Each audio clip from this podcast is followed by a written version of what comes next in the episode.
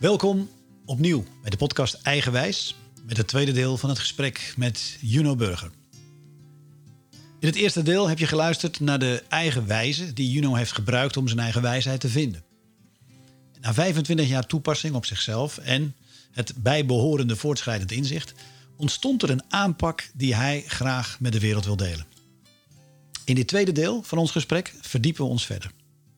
We spreken onder andere over het verschil tussen de intelligentie van het hoofd en het hart. En Juno licht zijn mens toe hoe zijn aanpak ook van toepassing kan zijn op de beïnvloeding van het collectief. Hoe het zou kunnen bijdragen aan ontwikkeling en de heling van mens en maatschappij. Hij introduceert aan het eind van ons gesprek een toegangspoort, free of charge, waarin ieder die geïnteresseerd is kan gaan oefenen met zijn aanpak. Ik wens je opnieuw veel luisterplezier en inspiratie bij het tweede deel van de podcast Eigenwijs met als gast Juno Burger. Juno, het uh, concept in mijn woorden, wat jij uh, zeg maar ook, ook, uitdraagt in, jouw in jouw workshops, is laat het leven op je afkomen, neem het waar en laat het zijn, let it be. En de instrumentarium dat iedere mens meegekregen heeft om dat te kunnen, is bewustzijn en compassie. En nogmaals, compassie heb je net fantastisch vertaald. Zonder oordeel. Uh, nou, hoef het niet helemaal na te. Dat, dat is eigenlijk het stuk. Maar waar ik naartoe wil, is dat compassie, en dat heb je al een paar keer genoemd, uh, compassie vanuit het hart. Er is een groot verschil in mijn beleving tussen de intelligentie van het hart en het hoofd. Wat is daar over te zeggen. Want zeker ook mind, je gaf het zelf al aan, hè, de, de, giftige plant en de oplossing ligt ernaast. Nou, in die metafoor is de mind de giftige plant en het hart is de oplossing.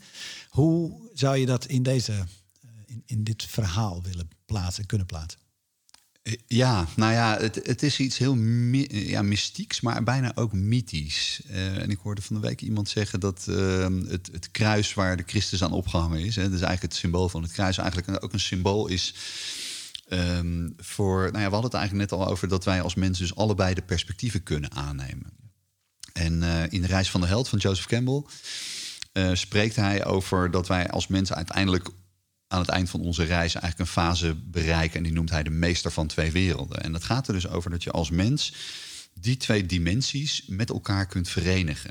Dus uh, je kunt een aardsmens zijn en in deze aardse ervaring zijn en die helemaal ervaren vanuit het bewustzijn van, oh, dit is de mind, dit is gepolariseerd, ik leef met de beperkingen van mijn zintuigen. Dus dat, dat je gewoon echt nou ja, die menselijke ervaring snapt, maar tegelijkertijd je verbinding met source hebt.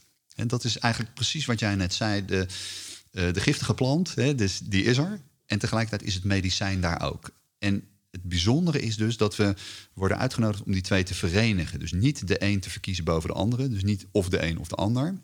Maar het is en-en. Dus het is en de aardse ervaring in de mensen, in het lichaam, op de aarde. En het is de spirituele connectie met Source, de herinnering aan de eenheid, de bron, uh, het perspectief van het scheppende.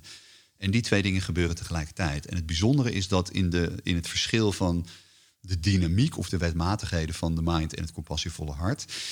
Um, nou ja, we hadden het er net al over. Dus de mind eigenlijk. Nou ja, ik bedoel, als je gewoon naar de mind kijkt op die manier, zo kijk ik naar het leven of de mind in termen van design. Ja, weet je, ik kan alleen maar, als ik hier gewoon omheen kijk hoe wij hier zitten, dan denk ik, wow, het is allemaal mind, toch? Ik bedoel, dus bizar, bizarre creatie, toch? Dus ik heb daar echt bewondering voor. En echt, uh, nou ja, diep respect ook. En tegelijkertijd is die mind begrensd. Onder andere doordat de mind dus eigenlijk alles kan, behalve die ene realisatie van dit is het al. Want als dat zou vanuit de mind zou kunnen gebeuren, zou de mind imploderen.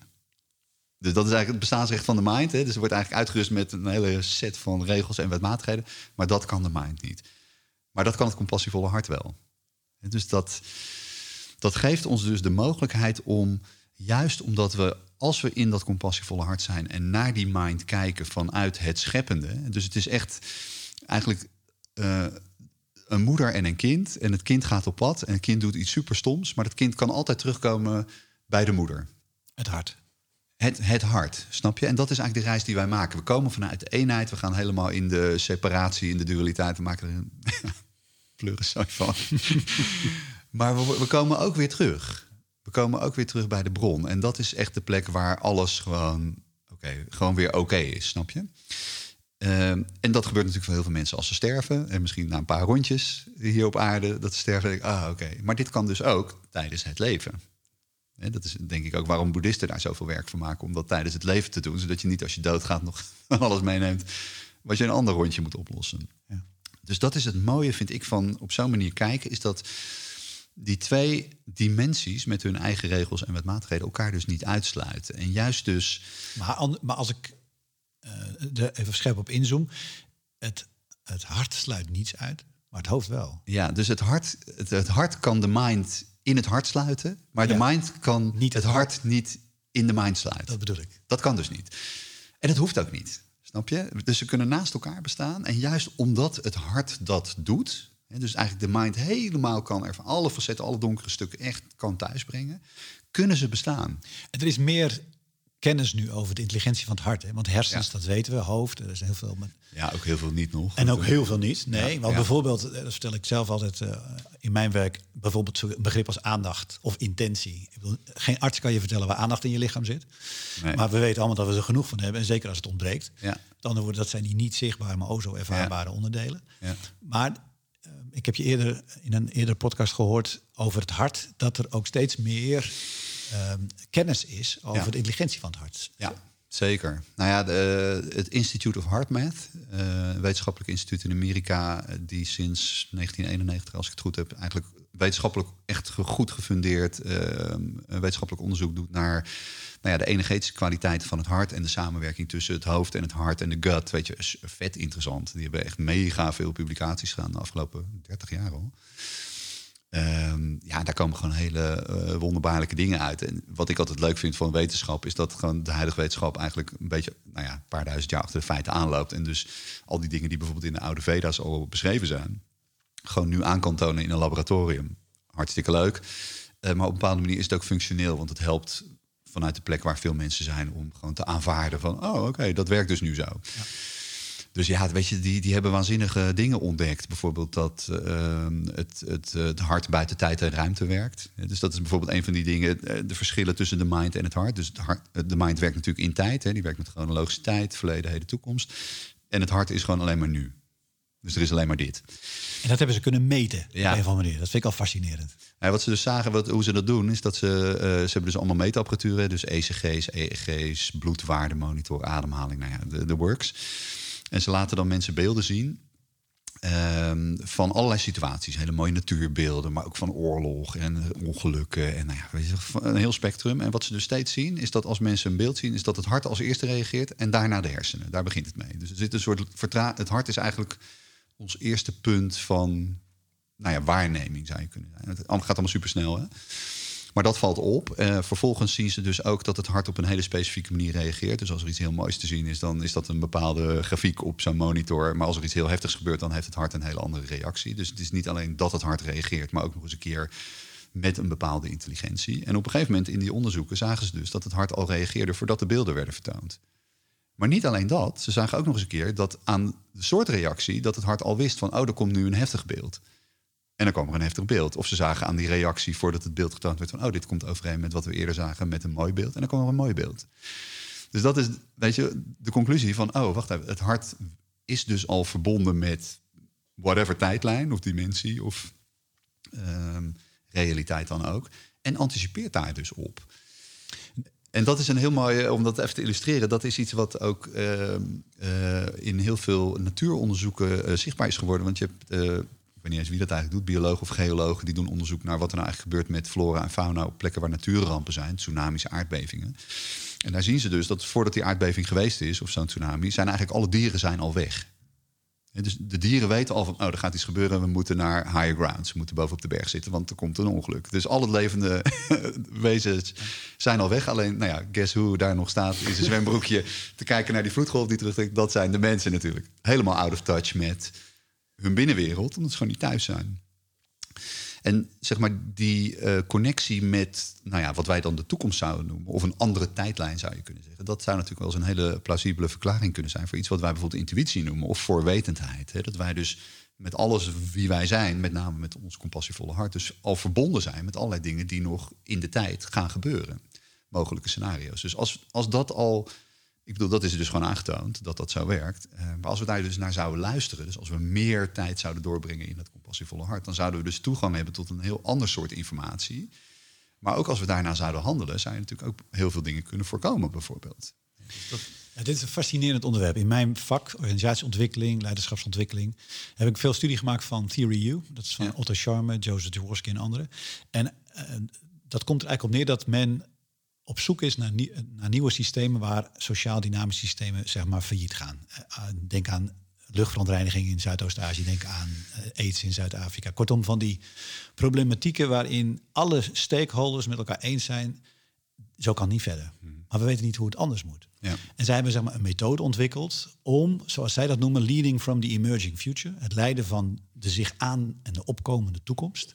En werkt dus precies hetzelfde, zoals jij nu zegt. Dus het is een heel proces. Ik heb het diverse keren zeg maar, doorga, doorgemaakt, maar ook toegepast. Waarin je eigenlijk met de mensen uh, naar, een, naar, een, naar de, de, vierde dimensie, noem ik dat, gaat. Waarin ze toegang krijgen, hmm. veel meer tot het innerlijk weten, tot het veld van weten. Ja. Waardoor er nieuwe dingen ontstaan die er natuurlijk al zijn. Maar waar we geen contact mee krijgen, omdat we te druk zijn met de dagdagelijkse zaken. Ja. Wat ik daar weer van geleerd heb, is dat A, intentie en aandacht, de kwaliteit daarvan, en in grote mate bepaalt wat het effect is. En dat je dat dus niet hardhollend kunt doen.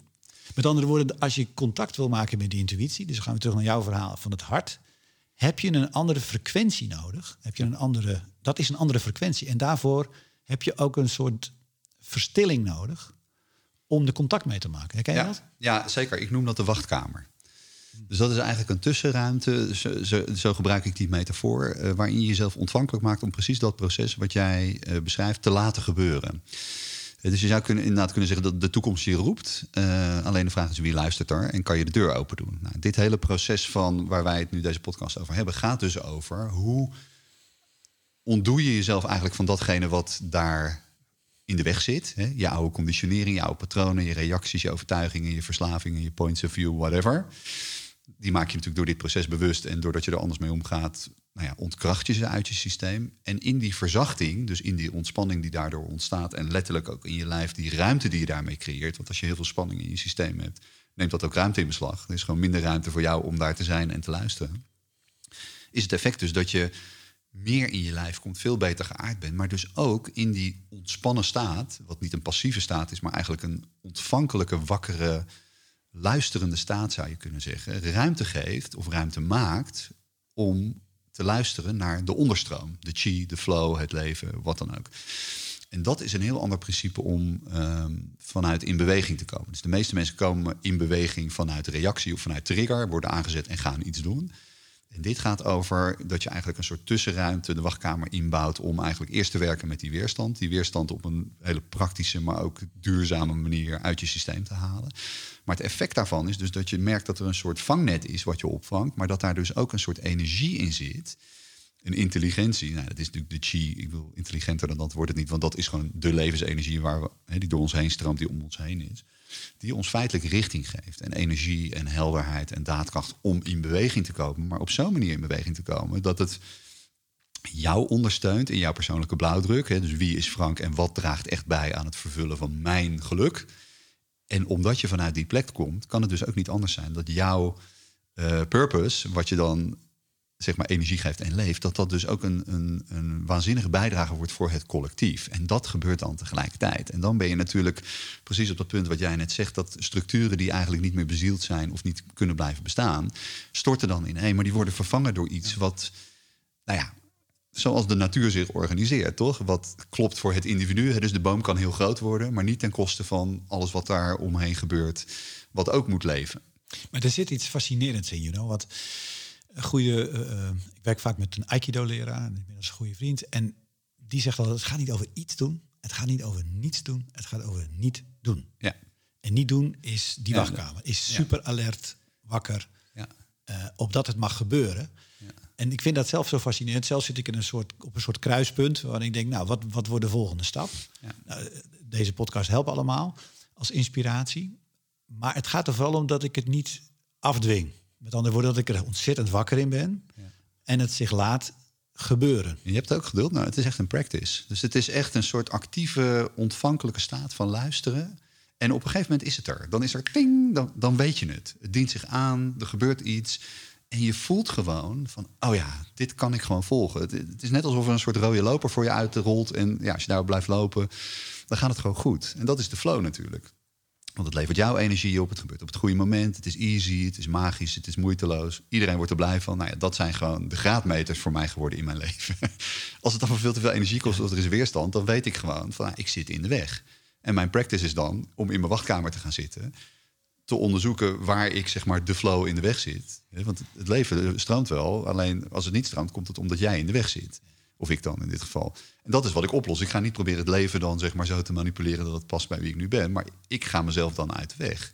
Door te onderzoeken van nou, als ik met deze situatie ga zitten, wat, wat leeft er dan in mij? Maar, sorry, ik struikel bijna over mijn eigen woorden uit enthousiasme. Maar je bent een ontzettend blijmoedig mens. Wij kennen elkaar helemaal niet goed, maar uh, jij voelt heel, uh, heel vertrouwd. En vooral die blijmoedigheid heeft natuurlijk, is natuurlijk het gevolg van je eigen tocht geweest. Hè? Waarin je in die ruimtelijke energie makkelijk toegang hebt gekregen. Maar daar heb je het nodige voor gedaan. Ja. Um, dan ben ik mijn vraag kwijt. Um, dat. Uh, waar, waar ik naartoe? De blijdschap had je het over. Ja, dus de, het, het gemak. Uh, het, nee, ik weet waar ik naartoe wil. Daarvoor moet je eigenlijk jezelf niet zo serieus nemen. Met andere woorden, ja, dat helpt. Ja. Als je het hebt over die mind, hè, die zich joh, allerlei verhalen over je persoonlijkheid maakt en dat vooral bevestigd wil hebben en maar doorgaat en door.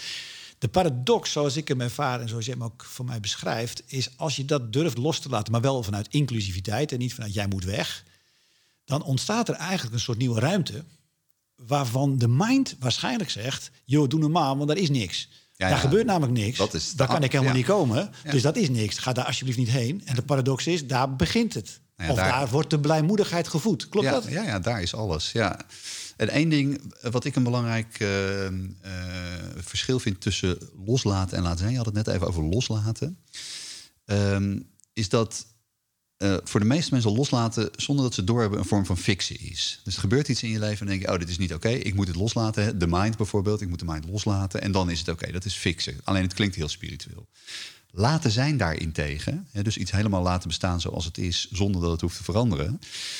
Uh, en zonder richting of verwachting van de uitkomst, heeft dus juist heel vaak loslaten tot gevolg. Maar dat is omdat het jou loslaat. En niet omdat jij denkt van, oh, dit is niet oké, ik moet die hete aardappel over de muur gooien. Dit is fascinerend. Het laat mij los omdat ik. Omdat je het omarmt. Dus als je iets helemaal ervaart en laat zijn, dan activeer je een transparantie, een natuurlijke timing in je lichaam. Ook dat is wetenschappelijk onderzocht, waarbij als de compassie volledig is, je lichaam 90 seconden nodig heeft om de fysiologische respons van bijvoorbeeld het voelen van angst totaal af te breken. Dus hoe, hoe is dat onderzocht? Dat is een uh, Amerikaanse neuroloog die heeft dat onderzocht. Jill Bolte Taylor heet die vrouw. Dat heet de 90 second rule. En daarbij ik zal even kort uitleggen hoe het, uh, hoe het werkt. Uh, eigenlijk net als bij HeartMath hebben ze mensen aangesloten op allerlei apparatuur. En de hypothese was dus van... is het nou zo dat mensen last hebben van wat ze ervaren... of hebben ze last van hoe ze met dingen omgaan? Dus die mensen hadden ze ook op allerlei apparatuur aangesloten. EEG's, ECG's, bloedwaardemonitoren, hartritme, van alles en nog wat.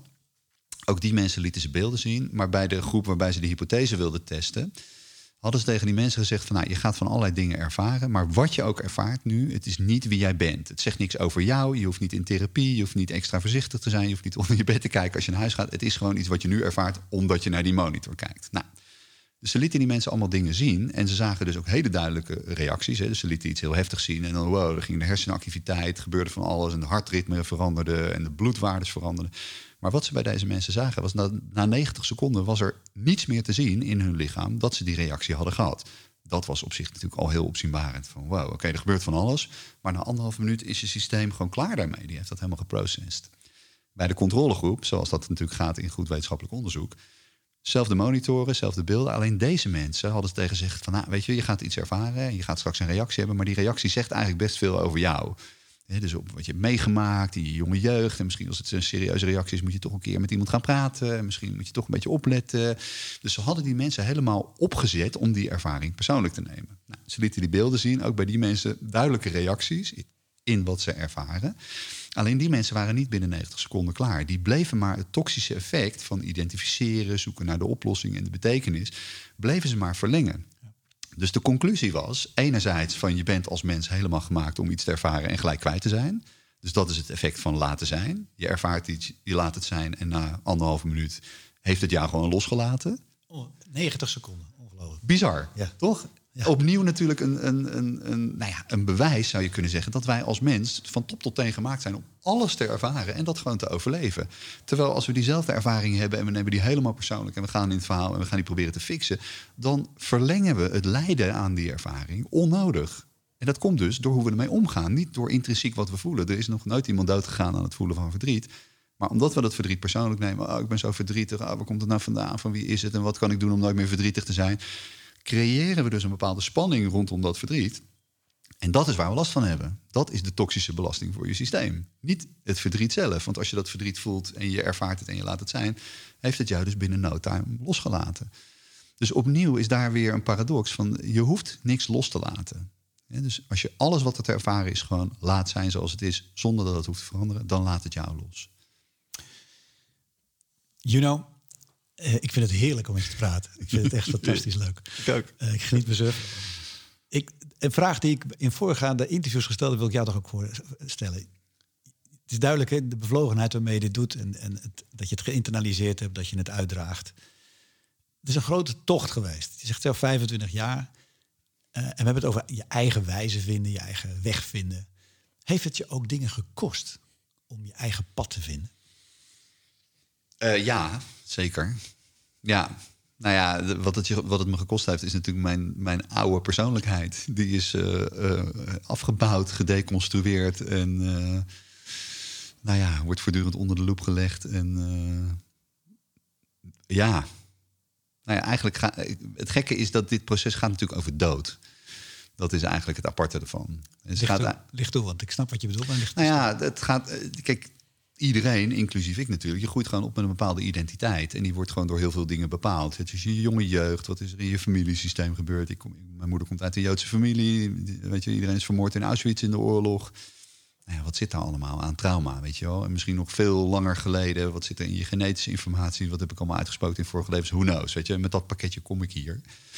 En dat bepaalt mijn ervaring hier. Want eh, op basis van wie ik dan ben, creëer ik allemaal situaties waarbij het leven me eigenlijk helpt om twee dingen te herinneren. Van goh, je bent de schepper van je eigen werkelijkheid. Maar ook als je even om je heen kijkt, waar heb je nog iets te doen? nou, op een gegeven moment wordt dat duidelijk. Dat was dus, begon bij mij op mijn 28ste. En dan, dan kom je dus, en dat is een spanningsveld waar natuurlijk iedereen mee te maken heeft, op dat grensgebied van aan de ene kant wil je bevrijd zijn van die oude identiteit die eigenlijk helemaal niet meer bijpast. Maar tegelijkertijd is het ook wie je bent en wat je kent. En waar je je soort schijnveilig bij voelt. Weet je? Dus dat is de hele tijd. Nou ja, het zijn eigenlijk weet je, twee krachten die allebei aan de kant van een elastiek in tegenovergestelde richting aan het rennen zijn. De ene wil bevrijd zijn en de andere wil nee, nee, nee. Weet je, ik wil niet, ik wil niet bevrijd worden. Ja, weet je, daar, daar, daar kom je natuurlijk, eh, dat kom je tegen. Dat ben ik natuurlijk ook tegengekomen. En als je niet luistert, eh, ja, dan gaat het leven je gewoon helpen. Dus je wordt uitgenodigd om in meditatie, practice, weet je, die dingen op te zoeken. Maar ja, als je gewoon negeert of je drukt op de snoesknop of het is niet veilig genoeg, ja, op een gegeven moment komen die situaties gewoon in je leven om opgelost te worden. Dus eh, ja, god, weet je. Eh, ja, daardoor heb ik natuurlijk ook gewoon in mijn leven stomme dingen gedaan. Weet je, die me ook relaties en vrienden hebben gekost. En, en niet omdat ik dat wilde, maar omdat ik gewoon onbewust was op dat moment. Dus ja, als ik daar dan op terugkijk, dan is dat natuurlijk verdrietig en pijnlijk voor alle mensen weet je, die daar last van hebben gehad, inclusief mijzelf. En tegelijkertijd, ja, je bent ook wie je bent. Weet je, niet als een excuus, maar je kan niet meer, je kan niet bewuster zijn dan wie je nu bent. Je kan niet compassievoller zijn. Weet je, dat kan je natuurlijk op ieder moment willen. En zeker later in je leven denk je van, oh mijn god, had ik dat maar niet gedaan en had ik maar zo en zo gehandeld. Maar ja, weet je, dat gaat dus niet. Eh, dus ja, natuurlijk heeft het me dingen gekost. Maar tegelijkertijd ben ik nu ook wel op een punt in mijn leven dat ik ook echt zie van ja, dingen gaan ook zoals ze gaan. En niet vanuit een excuus. Weet je wel, je, bent allemaal wie je bent. En je, je hebt een bepaalde rol in elkaars leven. Eh, dus naarmate je ouder wordt en wijzer, helpt dat natuurlijk om dingen gewoon in perspectief te zien. En tegelijkertijd denk ik dat het ook heel belangrijk is om te erkennen wat het op dat moment met je heeft gedaan. Eh, Want anders wordt het een soort van, nou, iedereen doet wat hij doet en het maakt allemaal niet meer uit. Eh, maar ik denk dat het allebei is. Dus ik denk voortschrijdend inzicht. Uh, maar ik denk dat het ook heel belangrijk is om wel te erkennen van ja, toen ik 15 was en mijn vriendin maakte het uit, toen was ik wel echt fucking verdrietig en boos, weet je. dat was er ook. En misschien nu niet meer, maar toen wel. En ik denk dat je door ook dat te erkennen, dat je wel uh, de, de ervaring echt compleet maakt. Maar eigenlijk zeg je, je beschrijft een mensenleven waarin je voortschrijdend inzicht steeds meer bewust wordt, dus dingen fout doet. Ja. Maar je schrijft eigenlijk ook, ja, dat is inherent aan leven. En het gaat erom dat je het nu om, omarmt in waar je nu bent. Ja. En een plek ja. geeft. Ja, en daar hoort dus ook bij de, de, nou ja, de erkenning dat je op dat moment niet anders kon, maar ook de erkenning dat je misschien iemand gekwetst hebt. Ja. Of dat je iets hebt gedaan wat je nu nooit meer zou willen doen. Weet je wel? Dus dat, het is nou ja, opnieuw alles inclusief. Dus niet alleen maar van, oh, ik ben nu zo wijs. En, uh, Daar zit vaak schuld, schaamte aan vast. Ja. Uh, bedoel je dat ook mee? Dat inclusief nemen? Ja. Ja. Alles. Ja, zonder uitzondering.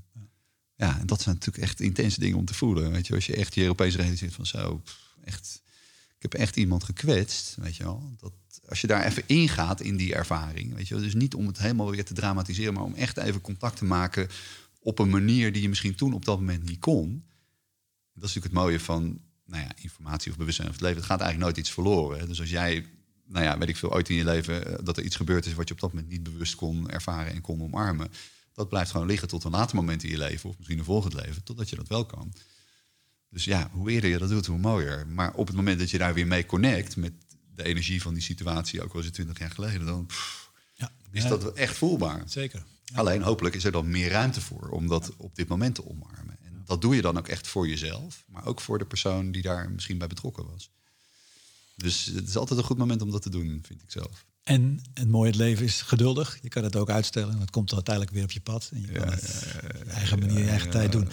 You know, jij hebt eh, een, een eh, vorm ontwikkeld waarin mensen kunnen leren hoe datgene wat je zo prachtig hebt uitgelegd in deze podcast, hoe je dat kunt gaan toepassen. Ja. En dat heet die invitation. Ja. En ik kan uit ervaring spreken, want ik heb de laatste meegedaan.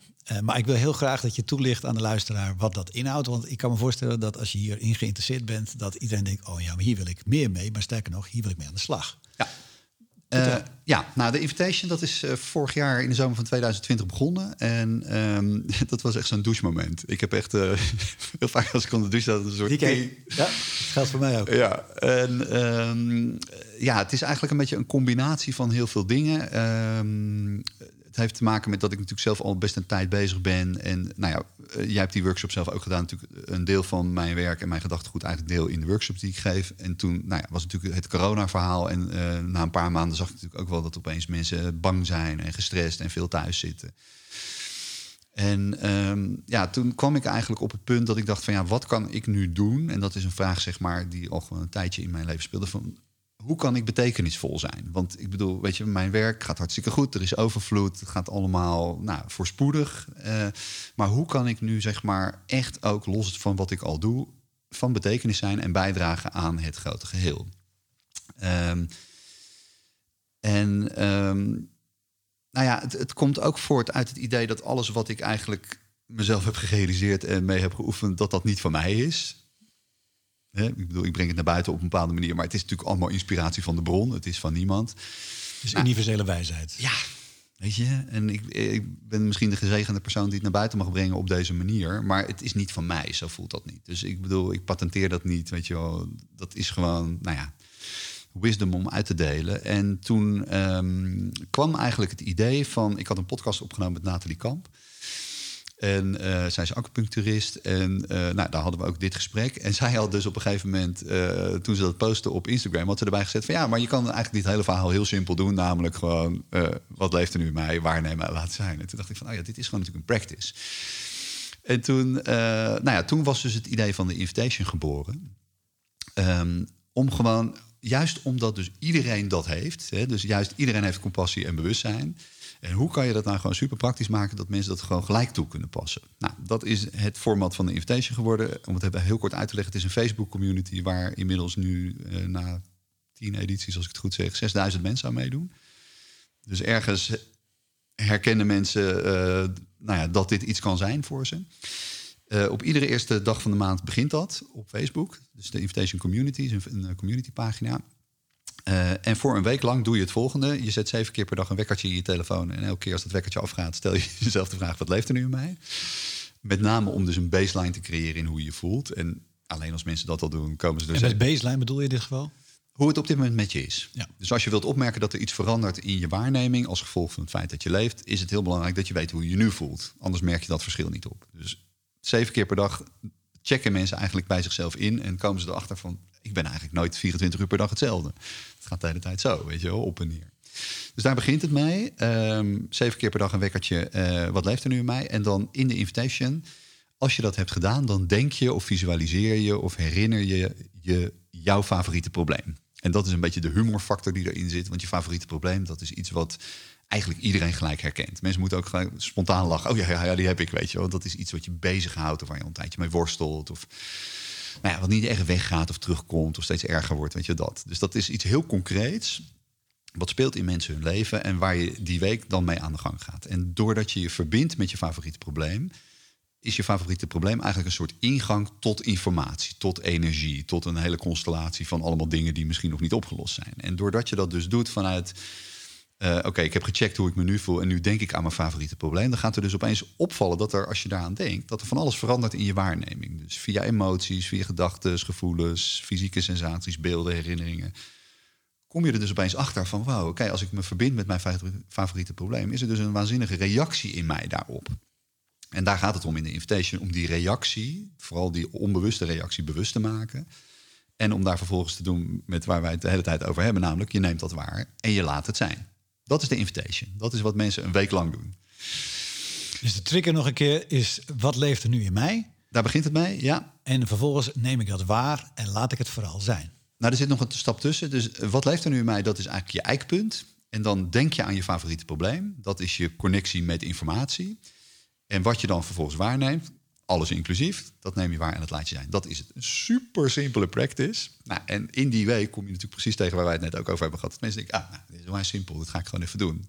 Maar waar ze dus tegenaan lopen, iedereen, uh, is dat uh, het idee wat de mind daar dus van heeft, van oh, dat ga ik even cheffen. Nou, daarmee los ik mijn favoriete probleem. Dat mensen dus achterkomen van, oké, ik denk dat ik dit kan, maar ik kom dus tegen dat ik gewoon nog vet in reactie ben, of nog een dik oordeel hierop heb, of, of dit helemaal niet wil voelen. En dat is natuurlijk precies de plek waar mensen uitgenodigd worden om deze beoefening te doen. Namelijk van, oh oké, dit kan ik dus ook opmerken en laten zijn. En daardoor verruimt het. Ik kan me echt nog herinneren dat de allereerste keer uh, dat de invitation uh, begon, dat was in uh, augustus vorig jaar. Dat we na twee dagen een mail kregen van een vrouw en die schreef van, kan het zijn dat mijn favoriete probleem, waarmee ik al twintig jaar worstel, dat dat pech is na twee dagen? En ik had zoiets van, ja, blijkbaar wel bedoel, dat gebeurt niet voor iedereen. Maar dat geeft dus aan. En wat zou dan voor jou de verklaring daarvan zijn? Nou, dat, dat dus. Um, doordat deze vrouw dat dus ging doen, dat ze dus op een hele andere manier naar haar favoriete probleem ging kijken. En dus de, nou ja, de erkenning waar we het net over hadden, wat dat favoriete probleem zo graag wilde, nu eindelijk daar was. Dus en daarmee was het. Het was gewoon doorzien. Het was klaar. Het had haar losgelaten. Omdat het eindelijk, in plaats van, oh je mag er niet zijn en ga weg en therapie dit en medicijnen zo gewoon eindelijk datgene kregen waar het naar het diepste verlangde. En dat is van, oké, ik ben er. En daar was nu ruimte voor. En dit is eigenlijk, zo zou je het nooit zelf omschrijven, maar een soort belofte van als je dit gaat doen, is dat je eigenlijk een soort natuurlijk helingsprincipe aanzet. Ja, maar dat is zo cool daaraan. Dus het zet dat stuk in jou aan, wat het dus mogelijk maakt om het leven te ervaren, alles, en dat helemaal te beleven en jezelf daar helemaal mee te verrijken zonder dat het een negatief effect op je heeft. Die combinatie is mogelijk. En dat is, nou ja, weet je, voor mij is dat zo logisch dat dat zo is voor mensen. Ik bedoel, als je gewoon naar de, perfectie van de natuur kijkt. Voor mij zou het dan heel vreemd zijn als wij hier als mensen worden neergezet op deze waanzinnige planeet, maar dat we niet van top tot teen nou ja, uitgerust zouden zijn om dat helemaal te ervaren. Maar maar zo'n klein stukje ervan. Dat, dat zou, voor mij is dat weird. Dus het is voor mij heel logisch dat dat niet zo is. En dat het dus, nou ja, weet je, Ehm, dat je dat dus kunt benutten. Alleen je moet gewoon weer even herinnerd worden aan hoe en wat. Nou, en blijkbaar is dus dat, dat simpele van de invitation en dat, dat aanzetten van die innerlijke technologie. Aan de ene kant iets wat mensen intrinsiek herkennen, anders zouden er denk ik niet zoveel mensen aan meedoen. Maar dus ook wat, uh, wat dus direct een effect heeft op mensen. Dat is dus het werkt voor iedereen. Het is zo universeel en archetypisch bijna zou je kunnen zeggen dat nou ja, juist door die hele simpele. Het is van een verbluffende eenvoud en van een verbluffende schoonheid. Hoe doe ik mee?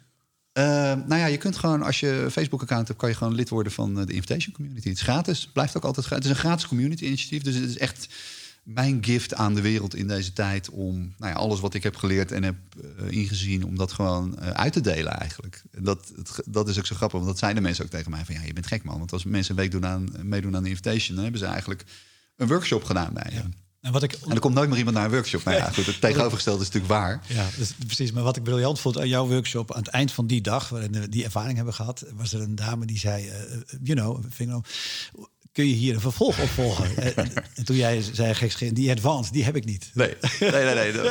maar dat, is de, dat vind ik zo leuk hier aan, is dat het... Weet je, het, het is echt iets, um, omdat het dus juist voorbij de mind gaat, heeft het in mijn optiek geen zin om uh, om er een, een advanced en een wizard en een certificeringsverhaal aan vast te staan. Want het, het, is niet iets waar je beter in kan worden door nog meer over te leren. Want ik bedoel, hoe, uh, het kan niet simpeler worden dan waarnemen en laten zijn, toch? Ja. Ik bedoel, dat is gewoon de ultieme conclusie. Alleen je moet het gaan leven, je moet het gaan doen. Ik wil graag betekenisvol zijn. Het was een aanleiding om dit te gaan doen. Ja. Dat is al behoorlijk goed gelukt als je praat over 6000 mensen die aansluiten. En ik voorspel je dat nog veel meer. Zeker na deze podcast. Ja, ja, ja precies. dat zou mooi zijn. Maar, maar um, terug naar jouzelf. Hè. Dat was je, je verlangen. Ja. Waar, waar mag het naartoe? Wat heb je nog, als ik het nog iets anders formuleer, wat heb je nog niet geleerd waarvan je zegt, oh, maar dat, dat, die ervaring, daar zou ik nog wel heel graag. Ik heb echt geen flauw idee. Nee, maar echt niet. Ik, weet je, uh, ik weet het gewoon niet, omdat ja, op de een of andere manier is mijn leven niet zo. Weet je, ik kan niet zeggen van uh, waar wil ik over vijf jaar zijn. Ik bedoel, dat, dit nu, dat wij hier zitten, dat had ik vijf jaar geleden ook niet bedacht. Dat er een invitation was, dat wist ik vorig jaar gewoon rond deze tijd niet eens. Weet je wel. Opeens is dat er en dat krijgt de energie en boom, het is er ineens. Weet je wel. Dus, uh, maar dit wil toch even op inzoomen. Dat is, dat is waar en niet waar. Hè? Dus op het moment dat jij contact maakt met jouw diepere bron, het laat zijn kan er ook zich iets aandienen waarvan je innerlijk weet, dit klopt. Want zo'n ja. invitation komt ogenschijnlijk uit het luchtledig, maar is natuurlijk niet waar. Want nee, nee, je hebt ergens heb je de uitnodiging gedaan. Om, ja, maar, een manifestatie te vinden die betekenisvol is en die jij vervolgens in de wereld kan zetten. Ja, maar dat, maar dat is dus ook zo. Dat was dus dat douchemoment. Dat, dat komt dan binnen, weet ik veel, dat valt uit de lucht. En dat is dan gelijk ja. ja. En zo zijn er ook duizend die binnenkomen waar ik dan voel nee. Dus mijn vraag is eigenlijk een non-vraag. Want eigenlijk zeg je zo leef ik niet, want het laat zich wel zien. Ja, dat is dus. Dat vind ik het leuke van leven. De verwondering en de verrassing en het niet weten. En tegelijkertijd, als het zich aandient, het helemaal weten. Dat vind ik het mooie. Dat leven. Dat, voor mij is dat leven. Ja, dus dat is veel. Dat, weet je, omdat.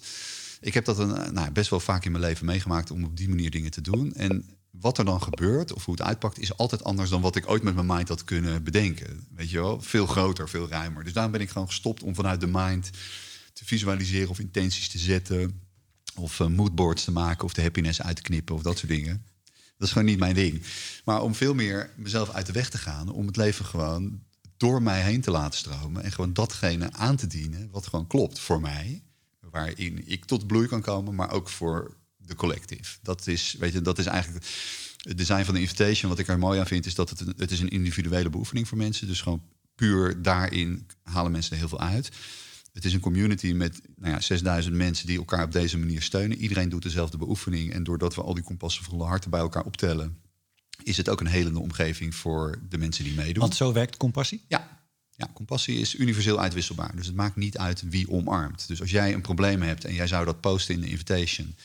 En er zijn tig mensen die op jouw vraag of jouw zorg intunen. En eigenlijk deze practice doen. Ze lezen jouw vraag of jouw, jouw punt van zorg. En ze kijken wat het met hun doet ze laten dat zijn en ze omarmen dat en ze maken dat bewust, dan kunnen ze jou helpen op afstand, virtueel, om de spanning die jij niet kwijt kan. Om die... Maar dit is natuurlijk ongelooflijk fascinerend. Hè?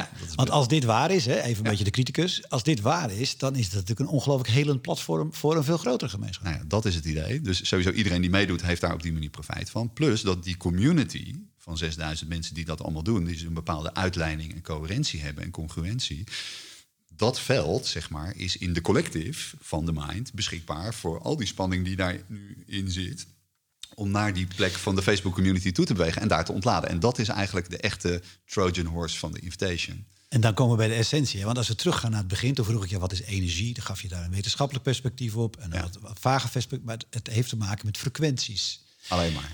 En wat je eigenlijk in jouw terminologie doet, is met zo'n Facebook community een soort trillingsgetal maken dat ja, zeg maar andere trillingen kan absorberen. Ja. ja, dat is compassie. Het heeft dus het vermogen. En dat is een prachtige, uh, eigenlijk alchemistische term. Dus je hebt uh, transformatie, hè? dat is uh, natuurlijk het proces waarbij dingen van vorm veranderen. En je hebt transmutatie, en dat is dat het van vorm verandert, maar daarna in frequentie wordt verhoogd. Dus eigenlijk als het ware terugkomt in de fabriekstand, zou je kunnen zeggen. En ontdaan wordt van alle spanning die door de mensen aan toegevoegd is. En gewoon, gewoon dus weer in de essentie komt. En dat is wat er gebeurt in je compassievolle hart. Dus als je daar een potentieel conflict naartoe brengt, hè, dus de energie van een conflict, de lading in het compassievolle hart brengt, dan wordt die spanning ontladen. Die valt eigenlijk uit elkaar. Die wordt gewoon opgelost in het grote geheel. Maar aan de andere kant komt het eruit als een soort, net een soort wasstraat is het eigenlijk. Komt eruit als weer gewoon wat het is. En dat is van, oh, dit is verdriet of liefde of angst of blijheid of whatever. En dan is het weer dus helemaal geneutraliseerd en op de plek van het scheppende. Het is gewoon wat het is, vol potentieel. En afhankelijk van wie ermee omgaat, komt dat potentieel tot leven. En als jij nu zegt, augustus begonnen, nu 6000 mensen, ja. dan heeft dat een enorm potentieel. Ja, en misschien is het ook. Uh, ja, nee, eh, dat was de grote verrassing. Want we begonnen in augustus met 300 man. Toen dacht ik al van wow, wat veel. Maar blijkbaar uh, is het zo self-organizing. Want ik bedoel, ik heb het, nou het is gewoon begonnen, maar eigenlijk organiseert het zichzelf.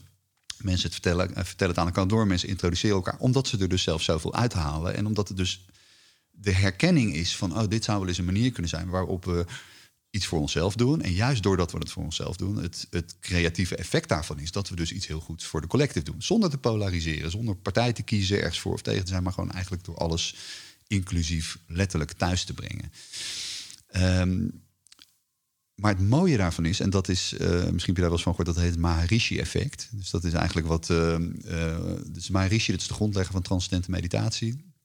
en die beweging is eigenlijk bekend geworden omdat de Beatles in de 60s naar India gingen en terugkwamen. Uh, omdat ze in de ashram van de Maharishi waren geweest. Uh, maar de Maharishi was niet alleen een hele wijze dude, maar hij had ook nog eens een keer, uh, omdat hij een grote community had, dat hij heel wat, wat poen. En dat heeft hij dus allemaal geïnvesteerd in wetenschappelijk onderzoek naar het effect van transcendente meditatie. En waar hij dus achter kwam, was dat er dus eigenlijk maar een hele kleine groep mensen nodig is om een shift in bewustzijn te veroorzaken. En wat hij op een gegeven moment gedaan heeft in de jaren tachtig, is dat hij een paar duizend van zijn meest geoefende yogis naar Seattle heeft gestuurd met de voorspelling dat, oké, als wij daar een, uh, een, week gaan mediteren, echt volgens onze methode en allemaal mensen die echt best advanced zijn en helemaal uitgelijnd zijn, dan gaat dat een meetbaar effect hebben op de realiteit. Namelijk op het aantal keren dat de politie moet uitrukken, dat er inbraken zijn, dat de mensen op de eerste hulp moeten komen of nou, weet je, dat soort dingen. En toen had de burgemeester van Seattle gezegd van nou, de enige manier waarop dat kan gebeuren is als er twee meter sneeuw valt. Voor de rest geloof ik het niet. Nou, je raadt het al, die gingen daar een week mediteren. En uh, dat is gemeten en gepubliceerd, wetenschappelijk onderzoek, 21 procent op al die gebieden hebben ze dus kunnen zien dat minder eerste hulp, minder brandweer uitgerukt, minder criminaliteit, dat soort dingen. En dat is een, uh, die 1% regel, zeg maar. Dus je hebt 1% van een populatie nodig om een significant effect te hebben op de realiteit.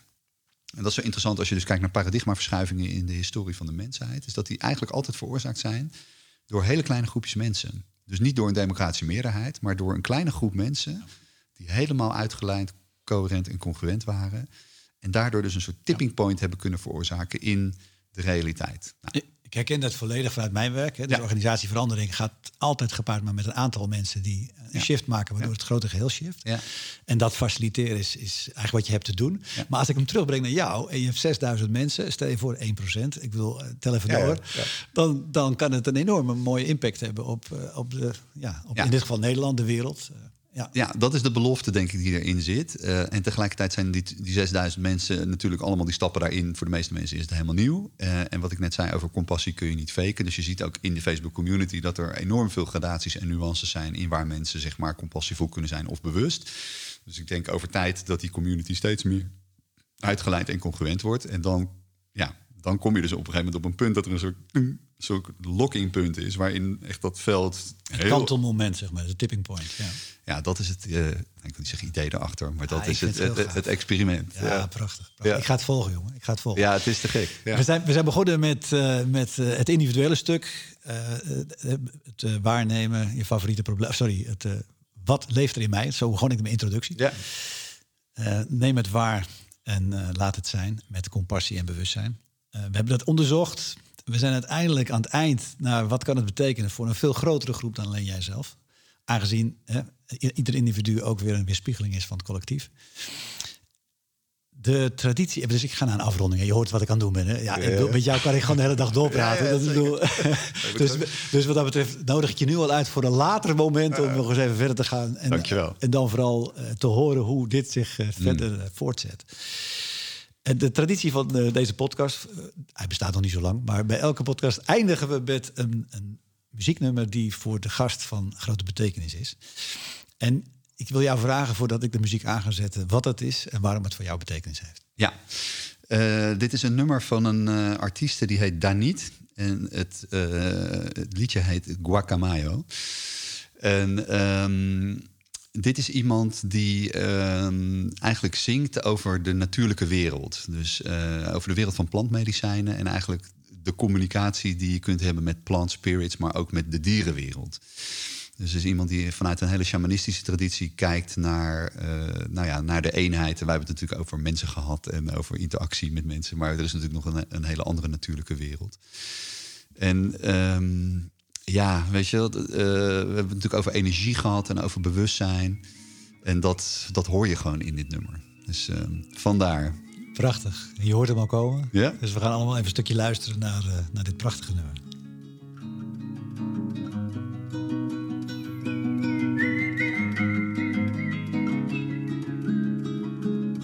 Te agradezco por llegar a mi corazón. Hermosa criatura de viento, te agradezco por volar en mi interior. Tus colores me llevan adentro.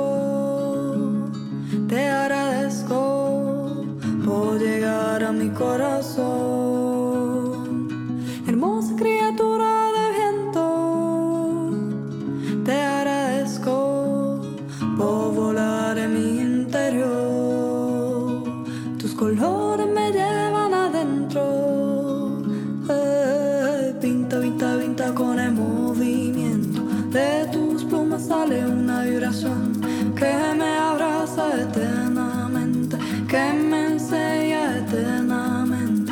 Pinta, pinta, pinta con el movimiento. De tus plumas sale una vibración que me abraza eternamente, que me enseña eternamente. Te agradezco por entregar tu amistad.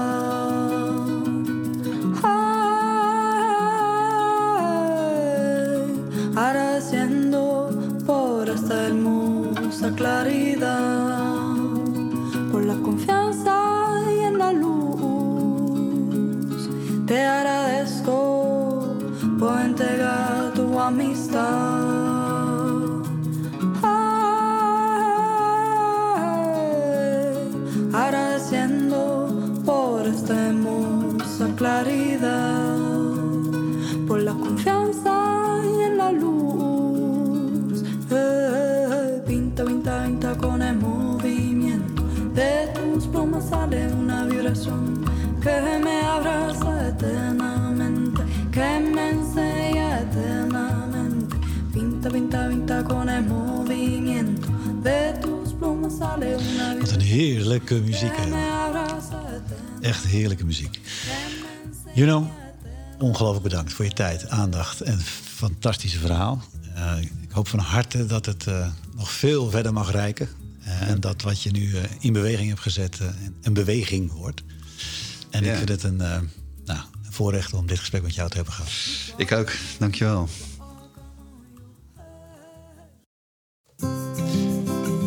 Nou, dat was hem dan, you know. Ik vond het echt te gek, man. Ja, ik ook, Frank. Super fijn. echt, Dankjewel. echt van genoten. Echt van genoten. Ehm, ja, ik wil graag nog wel aan mensen laten weten waar ze meer over Juno Burger kunnen vinden. En, en zeker dat mooie waar je mee bezig bent. Dus eh, voor de luisteraar, meer weten over Juno, ga je naar eh www.junoburger.com of via LinkedIn. Maar op jouw website, weet ik, kun je alles vinden wat je aan het doen bent. Workshops, eh, de invitation uiteraard. eh, en alweer meer. Is er nog andere manieren waarop mensen jou kunnen bereiken of je werk kunnen Uh, nee, dat is denk ik wel. Ja, de website en uh, Facebook en social. Ja, Instagram en Facebook, dat is ja, het. Precies. Ja, Oké. En mochten jullie uh, naar aanleiding van deze podcast ook nog contact willen hebben met mij over vragen, dan voel je vrij. frankpronk.me.com. Altijd leuk. En als je het echt de moeite waard vindt, like het. En doe al die mooie dingen waardoor het nog veel meer verspreid wordt. Want niet alleen voor mijzelf, maar vooral voor jou. You know, als je hoort naar dit verhaal, dan denk ik dat de wereld dat echt moet weten. En, het kan de wereld alleen maar mooier maken. Nogmaals dank. Tot de volgende keer. Thanks, Frank.